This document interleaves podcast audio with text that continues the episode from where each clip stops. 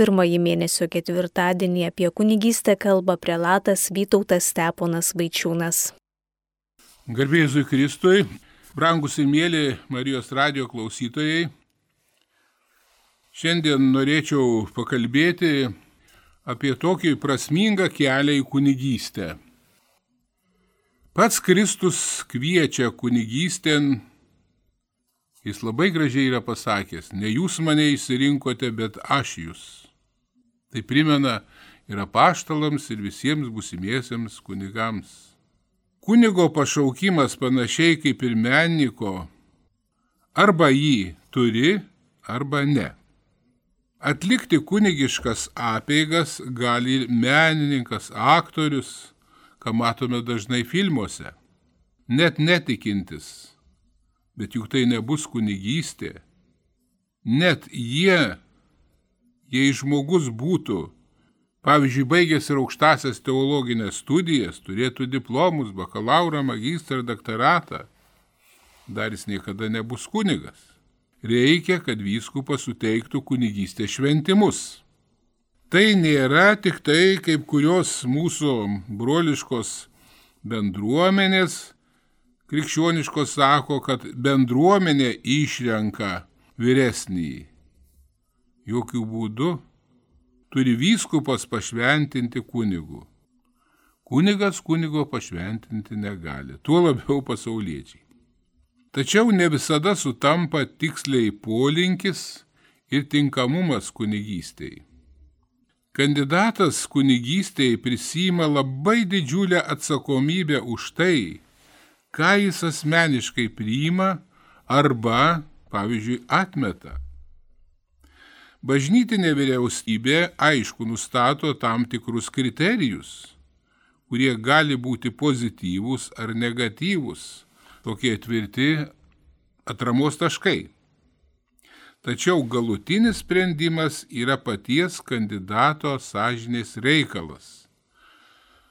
O taip pat reikia rimtai kandidatui atsižvelgti ir į kompetitingų bažnyčios vadovybės bei rimtų kitos srities specialistų patarimus.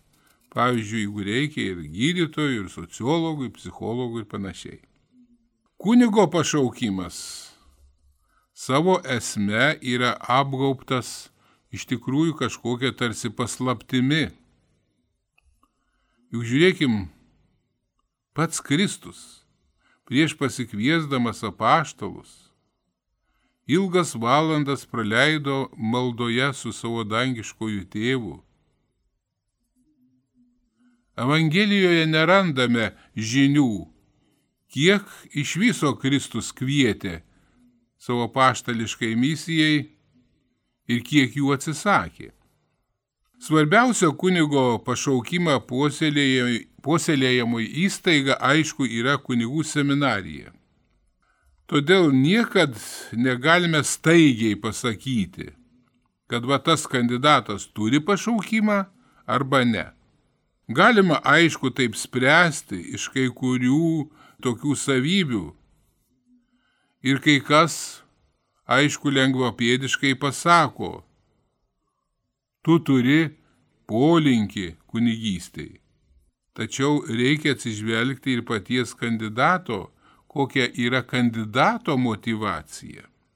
Tad seminarijoje labai auklėjimo svarbus uždavinys yra ramiai, tėviškai, nuoširdžiai, šiltoje dvasinėje atmosferoje, atidžiai stebint, ugdyti kandidato polinkį kunigystėj.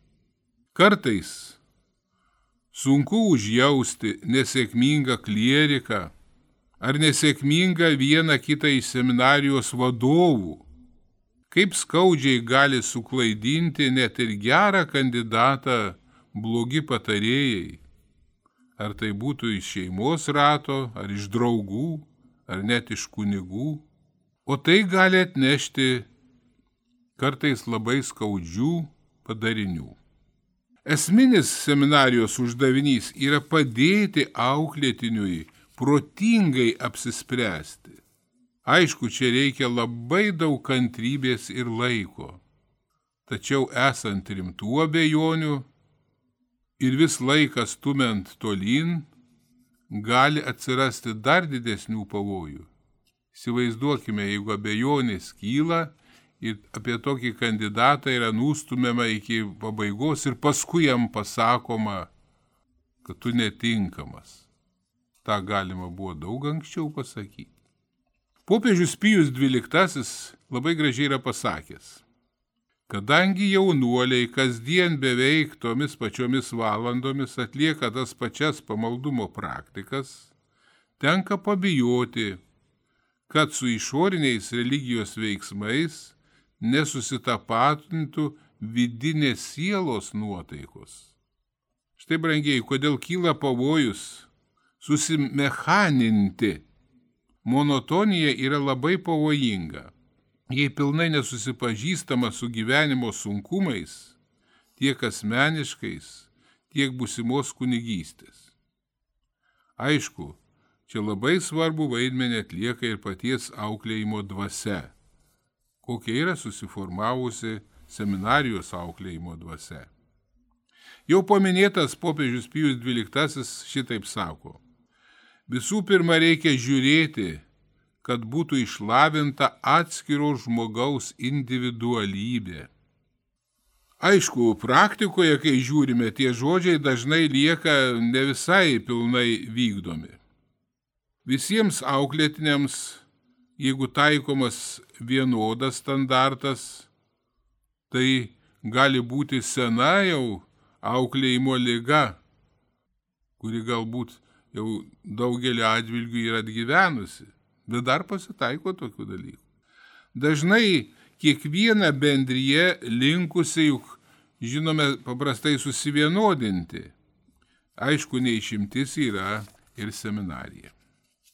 Tad labai svarbu, kad kandidatas pats sugebėtų savo vadovauti, vadovaujant dvasios tėvui, nuodėmklausiui vyresniesiems ir kad pajustų, kad pats yra savo poelgių pagrindinis inicijatorius.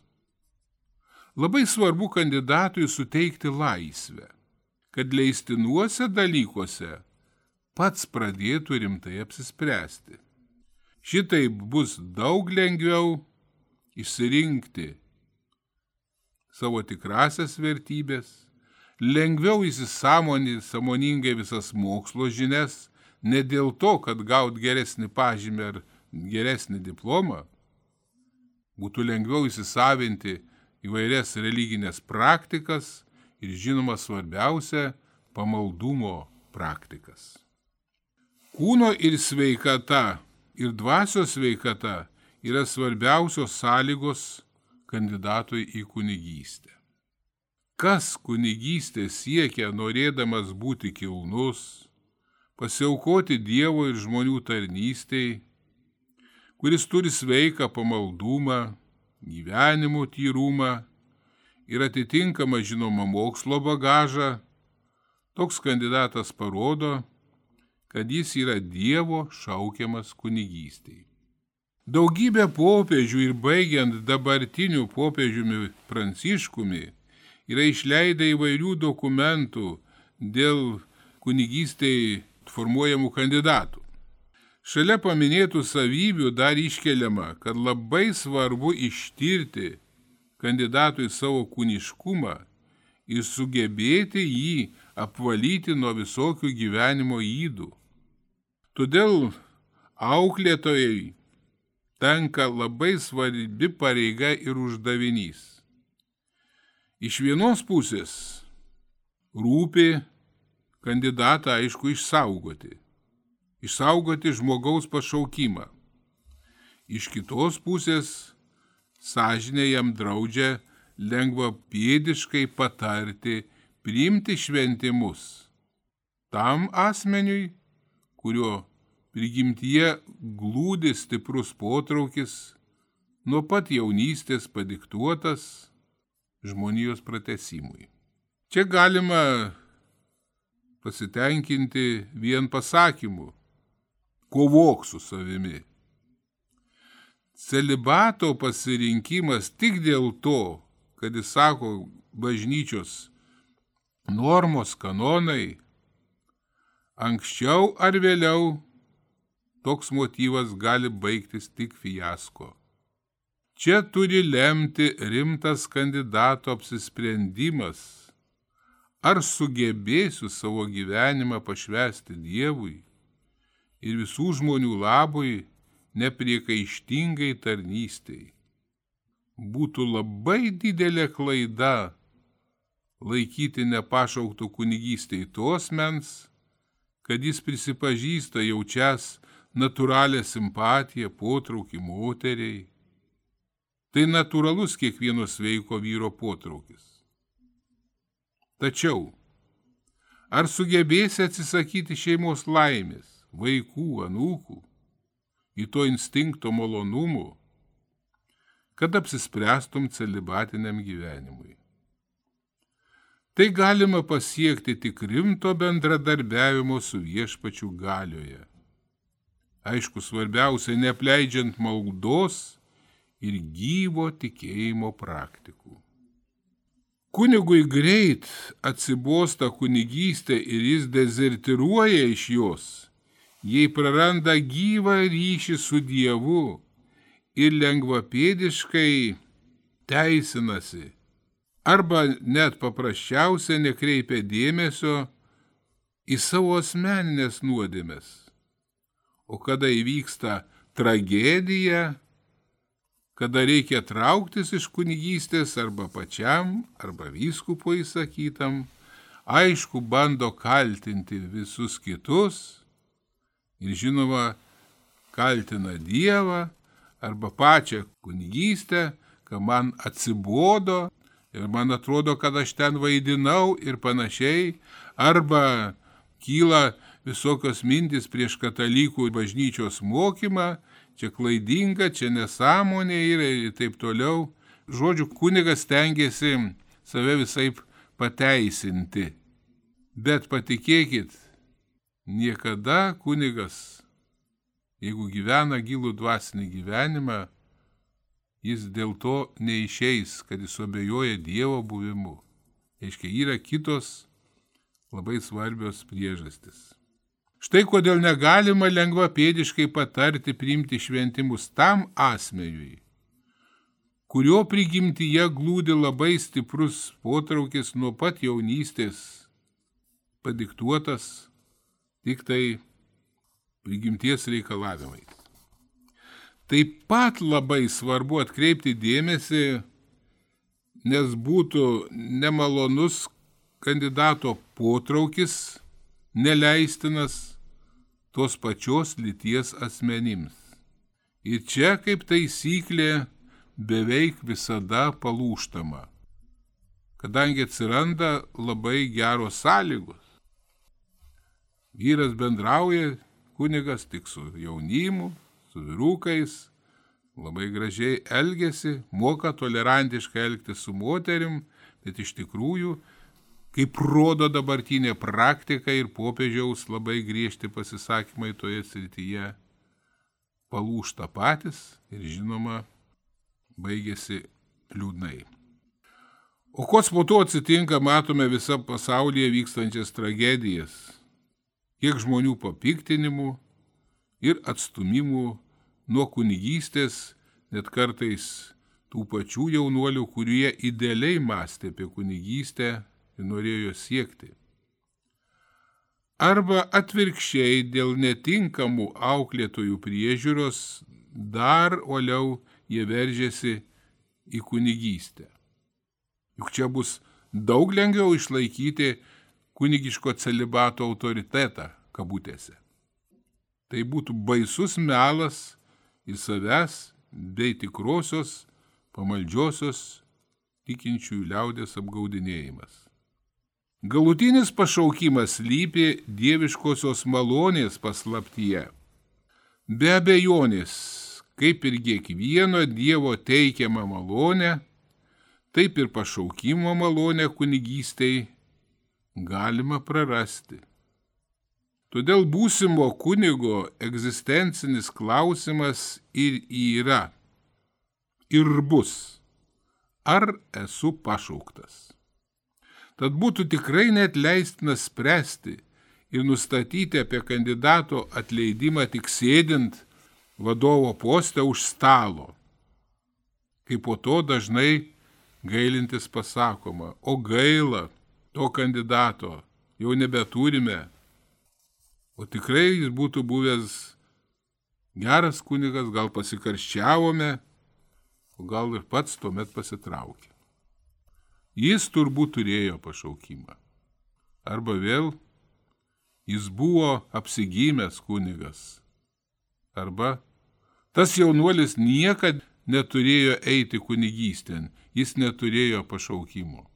Tad kandidatų atranka labai turi didelę atsakomybę ir seminarijos vadovams, ir dėstytojams dirbantiems, ir parapijų kunigams, su kuriais jis bendrauja, kur atostogauja, kur atlieka praktikas. Žinoma, šeimos nariams ir tėvui, motinai, giminėms. Savaime suprantama, aišku, galutinai ir vietos vyskupui. Visada priimtina ir prisimintina, kad kunigystėj šaukia pats Kristus. Čia iš šalies mes galime būti tik tai patarėjai, o galutinis apsisprendimas, kaip jau minėjau, turi priklausyti galutinai pačiam kandidatui.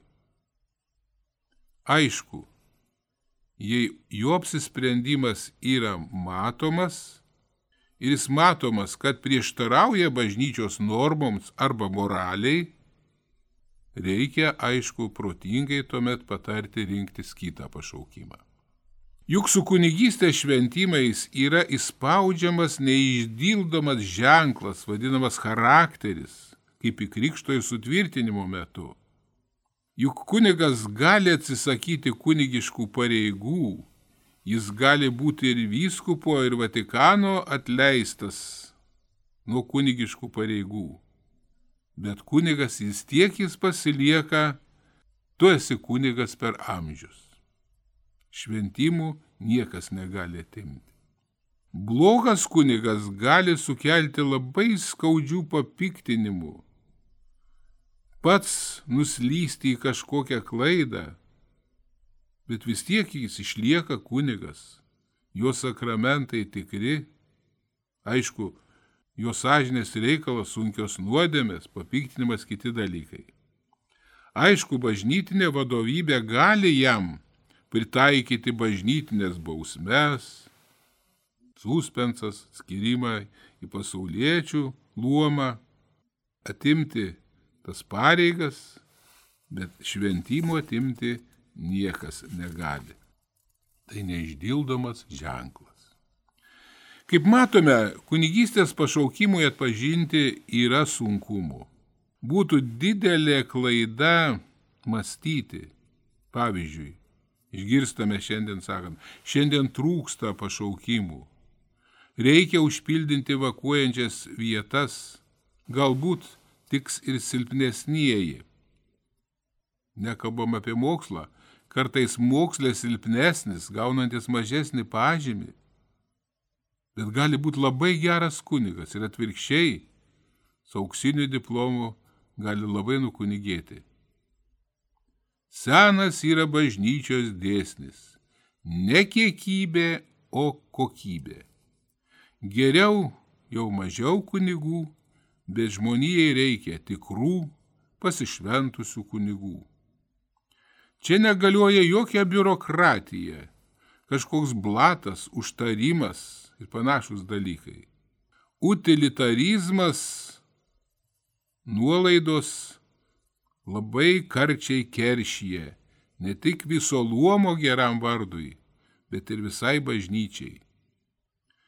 Geriau tegul būna tyrų gerų sutoktinių, negu nesusivaldančių ar iškrypelių kunigų. Dar vienas pavojus kandidatams kunigystėj tai pasyvūs žmonės. Jie yra patogus auklėjimui, patogus pavaldiniams, baigus patogus klebonui, bet gyvenime jie ir lieka namysėdomis. Tačiau kunigas turi būti bendrijos vadas, į kurį atkreiptos žmonių, tikinčių ir netikinčių akis. Jis turi būti kaip tvirta kolona, į kurią galima būtų atsiremti įvairiuose gyvenimo klausimuose. Lygiai taip pat jis turi būti ir vedlys. Kad būtų toks vadovas, kunigas turi būti pilnutinis žmogus, sveikas, ryštingas, vyriškos prigimties, aiškiai garbinga prigimtimi, sveikas bažnyčios mokslo vyras, mylintis visus žmonės, mylintis gilų dvasinį gyvenimą ir žinoma ne teoriškai, bet juo gyvendamas. Atsižadėti įgimto laimės ir meilės troškimo šeimai, surišti gyvenimą su Dievu ir jo meilės pakviestam, nesavanaudiškai mylėti žmonės dėl Dievo, bei jiems tarnauti, tai kažkas pranokstančio natūralią žmogaus prigimtį. Tačiau šis atsisakymas būtinai turi būti rimtai apsvarstytas ir visiškai laisvas. Tai ne atsakymas iš prievartos ar iš gailėščio, bet visiškas taip arba ne. Visas žmogus turi pasiaukoti su savo instinktais, mąstymo gale, jausmų bei potraukių gyvenimas. Turi būti atgimęs per šventosios dvasios malonę, kad semtųsi pastoviai visą gyvenimą iš Dievo gyvybės jėgų ir savo asmeniu nepriekaištingai tarnautų Dievui žmonėms. Nuo šio kunigo apsisprendimo priklauso ne tik jo žmogiškoji ir amžinoji asmeninė laimė, bet ir daugybės jam patikėtų žmonių. Toks turi būti kunigas, jis neturi būti padalintas, ne tik išoriniai liturginiai veiksmai, artistiškumas prie altoriaus, graži iškalba, gražbylystė bet gili liturginių apieigų atlikimo dvasia jo tarnystėje ir garbingas tarnavimas kasdienybėje Dievui ir žmonėms. Bet svarbiausias kunigo siekinys - jo paties tvirta valia pačiam šventėti ir kitus vesti į šventumą. Bet štai norėčiau pakalbėti dar apie vieną, toliau kalbant apie kunigystę, tokią pusę, kad kunigas taip pat yra žmogus, kaip ir visi.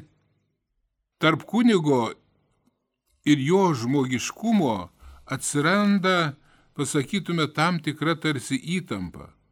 Kiekvienas suprantame, jog esame tokie pat žmonės kaip ir kiti tą supranta kunigas. Iš kitos pusės natūraliai suprantama, kad jie turi būti ir kitoniški. Net pasauliečiai kunigo asmenyje nori matyti kažką daugiau, o ne vien tik žmogų. Tas balansas tarp antgamties ir žemės gali pasiekti labai gražią darną. Susidūrimas su savo prigimties dvilypumu, kabutėse žinoma, negali pasilikti tame pavojuje.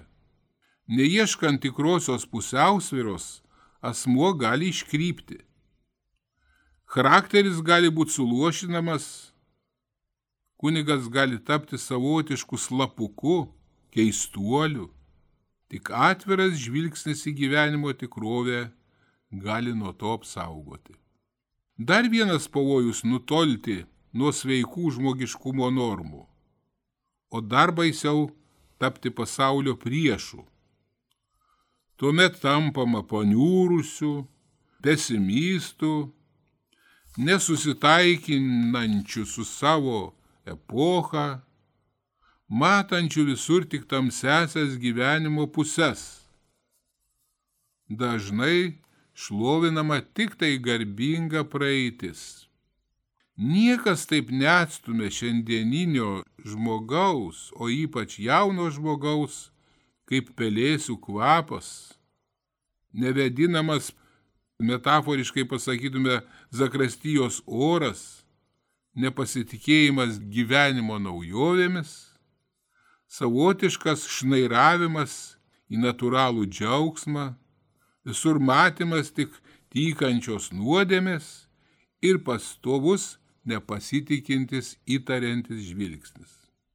Suprantama, per šventimus įsipareigoto nuolatinio kitiems pavyzdžio pašaukimas pareikalauja didelės ir dvasinės moralinės energijos. Jei kunigo išorinė laikysena visiškai netitiks vidinės dvasinės nuotaikos, jis taps savotiškai luošas ir dirbtinis. Tik pilnai suderinęs tas dvi vertybės - vidinį pasaulį ir išorę, jis bus pavyzdys ir bus vadovas. Tik tada jis bus geras sielovadininkas, kai bus pats Kristaus vedamas, kai sieks visų pirmavaidžių laikyti savo Kristų ir išlaikyti su juo vienybę. Tad labai svarbus uždavinys kiekvienam, besąlygiškai kunigas turi sekti Kristaus pavyzdžių. Jo idealas turi apimti visą žmogišką prigimtį, užpildyti jo gyvenimo tikrovę ne tik prie altoriaus, bet kasdienybėje, kad galėtų su paštalu pasakyti, kad jau nebe aš gyvenu, bet man jie gyvena Kristus. Šie žodžiai tai nėra mums kunigams tik daug kartų girdėta frazė. Ar šie žodžiai nereiškia, kad daugelie savo prigimties savybių kunigas privalo pasikeisti, eiti iš pažinties, gyventi vis kilnesnį gyvenimą, atsisakyti savo norų ir dar kas nėra nuodėminga, bet kas leidžiama tik tai pasauliečiui. Ir vis tik iš kunigo reikalaujama, aišku, tam tikro kilnaus žmogiškumo. Juk tie, kuriuos jis turi lavinti, vesti prie Kristaus, taip pat yra žmonės. Nėra kito luomo ir pašaukimo, kuris taip tampriai būtų surištas su žmogumi ir jo asmeniu kaip kunigystė. Jei kunigas nutyli apie antgamtybės reikšmę, žmonės tokio kunigo nevertina. Galbūt jis prie baliaus kompanijoje kažkur tikrai pajokautą anegdotą pasakyti sugebės bet žmonės labai keistai po to žiūri į tokį kunigą, kaip į žmogų, kuris buvo nevertas kunigystės. Žmonės turi turėti kunigą kaip lygiaverti, jų partnerį, kaip žmogų matyti. Taip pat, ar tai būtų popiežius, vyskupas ar kunigas, kiekvienas einame iš pažinties, taisomės, mastome, keičiam savo gyvenimą. Daug sėkmingiau vesti žmonės pas Kristų padeda jo tikrai aukštame dvasinėme lygyje suformuota jo pati žmogiškoji raiška, o ne tik kažkokie tik tai pasiskolinantys iš kitur žodžiai. Tikras žmogiškumas yra džiugi žinia, kurią pasaulis pirmiausia nori išgirsti. Tai teisingai suprastas Kristaus paties žmogiškumas, nes Kristus buvo ne tik tai Dievo sūnus pats Dievas, bet ir žmogus, ir iš jo sklindanti geroji naujiena. Juk jis ir tapo žodis, tapo žmogumi, kad būtų prieinamas Dievas labiau suprantamas žmogui. Tad kunigystė būtinai be jokių nuolaidų reikalauja kunigiško luomo ir asmenės asmenybės kilnumo, mokslo ir žinoma švento gyvenimo vieningumo. Siekti tokios vienybės, naikinant sveikos kunigystės ir žmogystės polius, būtų pragaištinga klaida. Pasakyti kunigui, kad aš jau nebeturiu žmogiškumo.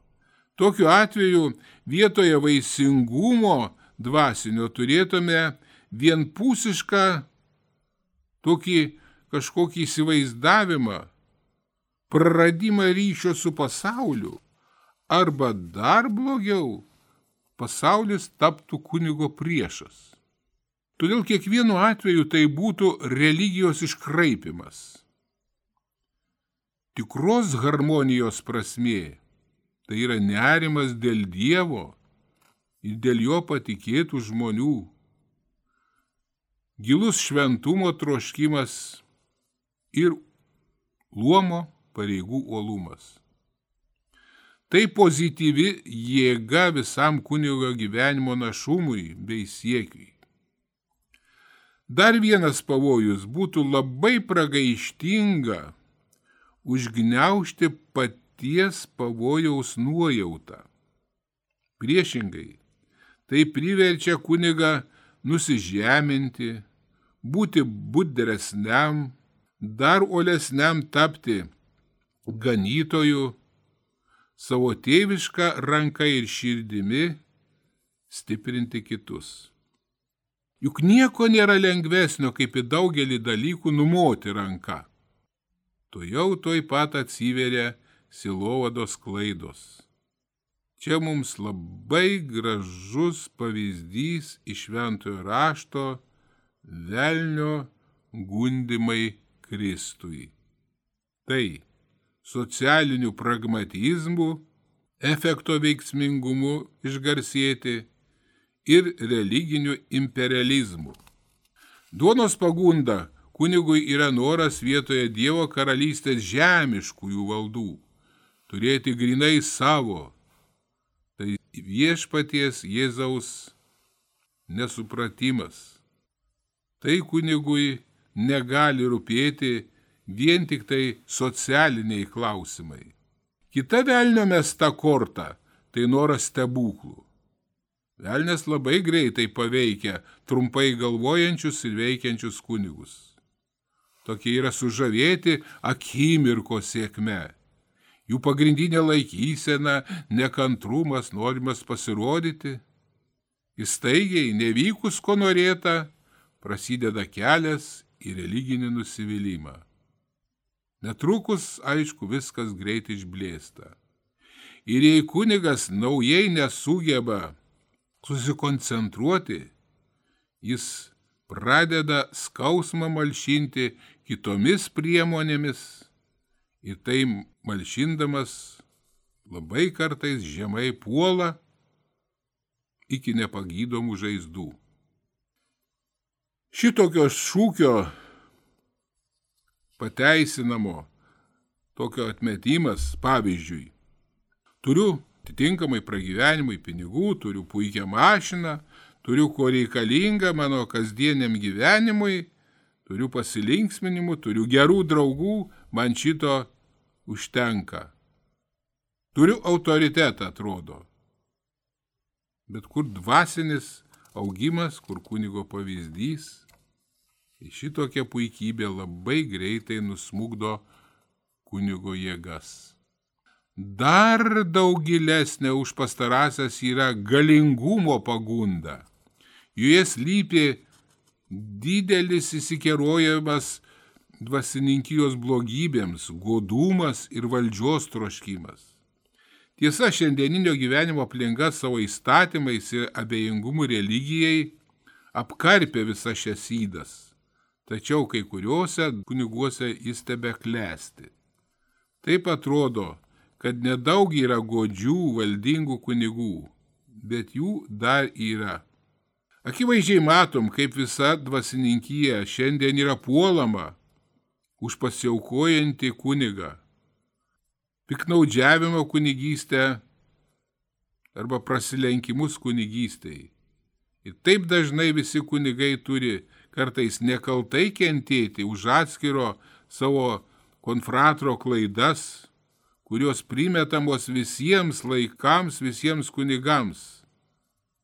Toks vidinis kunigo nusiteikimas suformuoja fariziejiškumą.